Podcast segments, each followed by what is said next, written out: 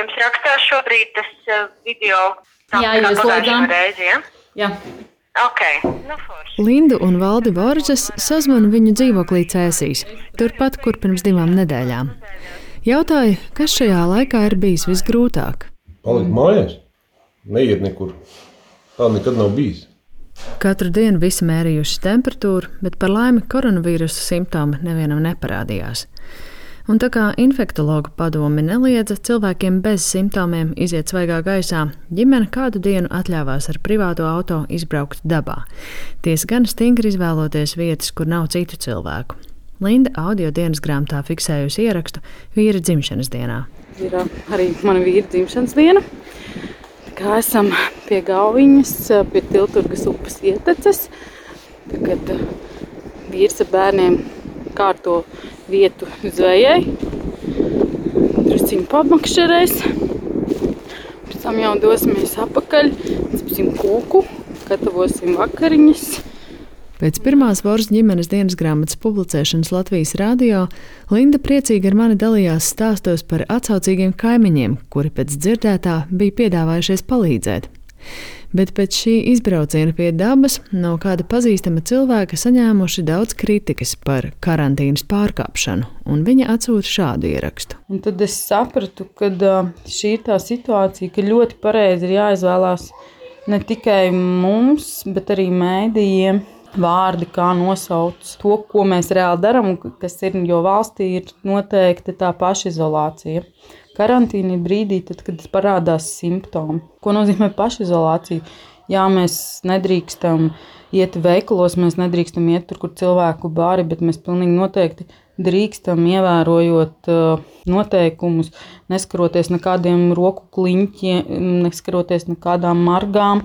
Mēs drīkstam iziet no dzīvokļa, mēs drīkstam braukt uz mežu, mēs drīkstam pavadīt laiku svaigā gaisā, neapdraudot citus. Mēs tāpēc arī izvēlamies ne jau parku tepatās cēsīs, bet izvēlējāmies upi, kur mēs skaidri zinām, ka tur neviena nebūs. Linda atzīst, ka vienu brīdi negāciju bijis par daudz, apsvērusi pat domu pārtraukt šo dienas grāmatu. Mēs ar vīru parunājām. Man arī uzmundrināja citi radinieki un draugi, ka nevajag padoties, jo mēs neko sliktu nedarām. Mēs paši zinām, ka mēs visu darām pēc labākās sirdsapziņas. Mēs nevienu neapdraudam, tāpēc mums nav jābēg. Un, ja arī būs kādi nelabvēlīgi, kas gribēs mūs nomēlnot, nozākāt, nu, es pats ar galvu augšā un es zinu, es neko sliktu neesmu izdarījis. Un Linda turpina dokumentēt pašlaik tik savādo ikdienu, kas iemāca daudz jauna gan pašiem, gan bērniem. Kādā video redzams, kā viņu sešus gadus vecā meita mācās tamborēt. Ko tu tur keitiņ dari? Tamborēju. Tev patīk? Ko tu tur tamborē? Nezinu. Kas sanāks, tas būs. Ja? Meita bija tik ļoti sailgojusies pēc tēta. Viņa trakoja, ārdījās, viņa bija tā kā uzvilkta bulta, viņa vispār nevarēja nomierināt. Tad es sapratu, ka kaut kas ir jāizdomā, lai viņa, lai viņa nosēž mierīgi, jo nu, divas nedēļas ar tādu uzvilktu atspēri būs ļoti grūti. Tad no pirmdienas izņēma ārā dzīvi, tamboradatus, un mēs sākām tamborēt. Viņai ļoti iepatikās, tad otru dienu viņa turpināja tamborēt. Es tur viņai barbijai visādas drēbītes jau esmu satamborējis. Garlaicību kliedējušas arī galda spēles un puzles, filmas, kopīga vingrošana un pat remontējamo sienu apzīmēšana. Nu, kas tas tāds ir? Tu ej uz virtuvi, pēc pa, paņemt kaut ko no zeltētavas, bet pēc tam iet ārā un braukt. Uz kurieni braukt? Um, uz atniekiem? Uz ratniekiem? Jā. Līdzās tam Linda turpināja darbu no mājām, dēlam sākās attālinātās mācības skolā, vīrs remontēja koridoru, un pēc 14 mājās pavadītām dienām abi saka, galvenais ir katram atrast, ko mājās darīt. Es neteiktu, ka baigi vilkās laiks īstenībā ļoti ātri paskrēja. Bija ko darīt. Jā, bija ko darīt, tāpēc arī ātri paskrēja laiks. Kas ir tie lielākie ieguvumi, kā jūs teikt, no šī laika? Man liekas, ka tieši kopā būšana ar ģimeni mēs tik daudz laika, tiešām pilnīgi visu laiku kopā. Es domāju, ka visu 16 gadu laikā nesam pavadījuši. Jo nu, vienmēr jau tomēr kāds kaut kur aizbrauc, vai nu pat uz darbu, vai kur, bet nu, principā visas divas nedēļas, pilnīgi visi četri kopā. Tā man liekas, nekad nav bijis. Tas bija tāds liels pārbaudījums uh, ģimenes attiecībām, cik, cik mēs esam noturīgi, cik ļoti mēs spējam kaut kā kompromisus atrast, lai visiem būtu labi.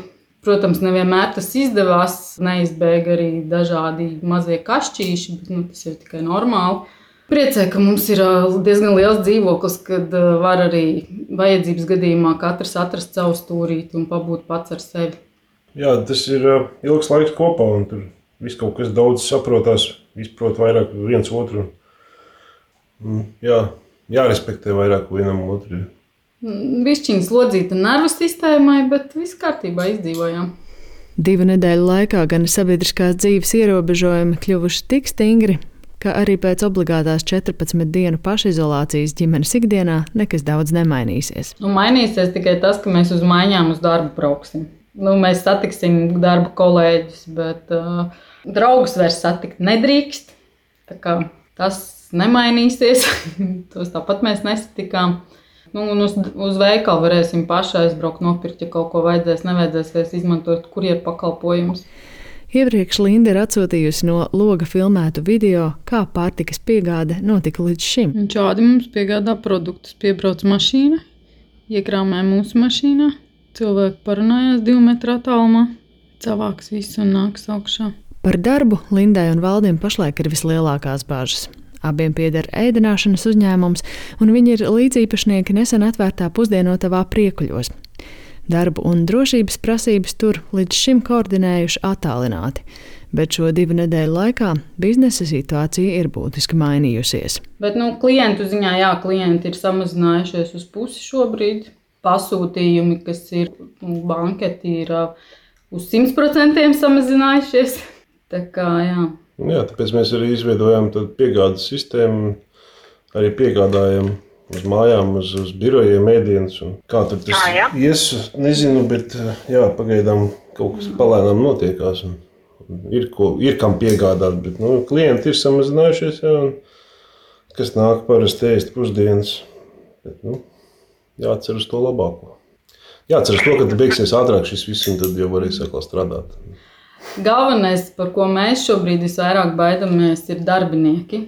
Mēs jau kaut kā pēc tam, pēc tam jau kaut kā varbūt nu, izķepurosies, bet mēs baidāmies par zaudēt darbiniekus. Mēs baidāmies, vai mēs spēsim viņiem samaksāt algas. Tas ir tas, par ko šobrīd es visvairāk baidos.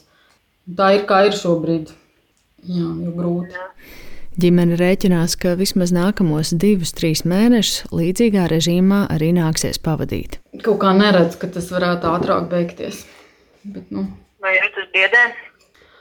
Protams, Protams, tāpēc, ka um, tīri finansiāli, jo, uh, ja tu esi, tavs vienīgais darbs ir tavs uzņēmums, un ja tu nespēji strādāt, es jau sāku domāt, at, varbūt man jāiet atpakaļ savā grāmatvedībā, bet, um, bet nu, tur jau arī, kam, kam tad drīz vajadzēs grāmatu, ja viss taisās jau palēnām cieti. Ir 22. mārciņa, pusē trīs dienā. Un izskatās, ka arvien grūtāk būs arī atrast, kur doties pie dabas, lai nesatiktu citus cilvēkus. Vieta, uz kuru mēs gribējām aizbraukt, ir tāda ūdenskrituma mežā, kuras sezonā īpaši daudz mašīnu, nu, vairāk par divām mašīnām nekad nebija redzējis. Tur bija nu, pilns ar mašīnām.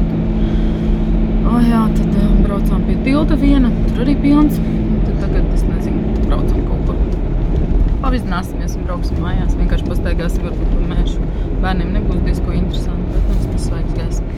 Bet apkārt notiekošajā abi cenšas saskatīt arī pozitīvo. Laiks kopā ar ģimeni ir liela vērtība, uzsver Linda. Un arī ar tiem, kuri fiziski nav blakus. Tik bieži komunicējusi ar māmu un māsu, kas man nedzīvo. Nu, mēs esam cēsīs, māsa man dzīvo jūrmalā, māma ir ogrē. Bet mēs tagad tik bieži sazināmies ar video zvaniem. Es varētu teikt, ka es biežāk viņus satikusi, neesmu kā tagad. Tā kā, tas arī ir baigais pluss. Zinu, ka brīvajā laikā Linda aktīvi dejo tautas dejas. Pašlaik dejošanas ļoti pietrūkstot, pat mēģinājusi atkārtot dažus deju soļus un skatīties deju video, lai tie neaizmirstas. Bet mēs dzīvojam 4. stāvā, baigi negribējās lēkāt. Ar cēsiniekiem Lindu un Valdi Vorzām sazinājās Māra Rozenberga Latvijas radio.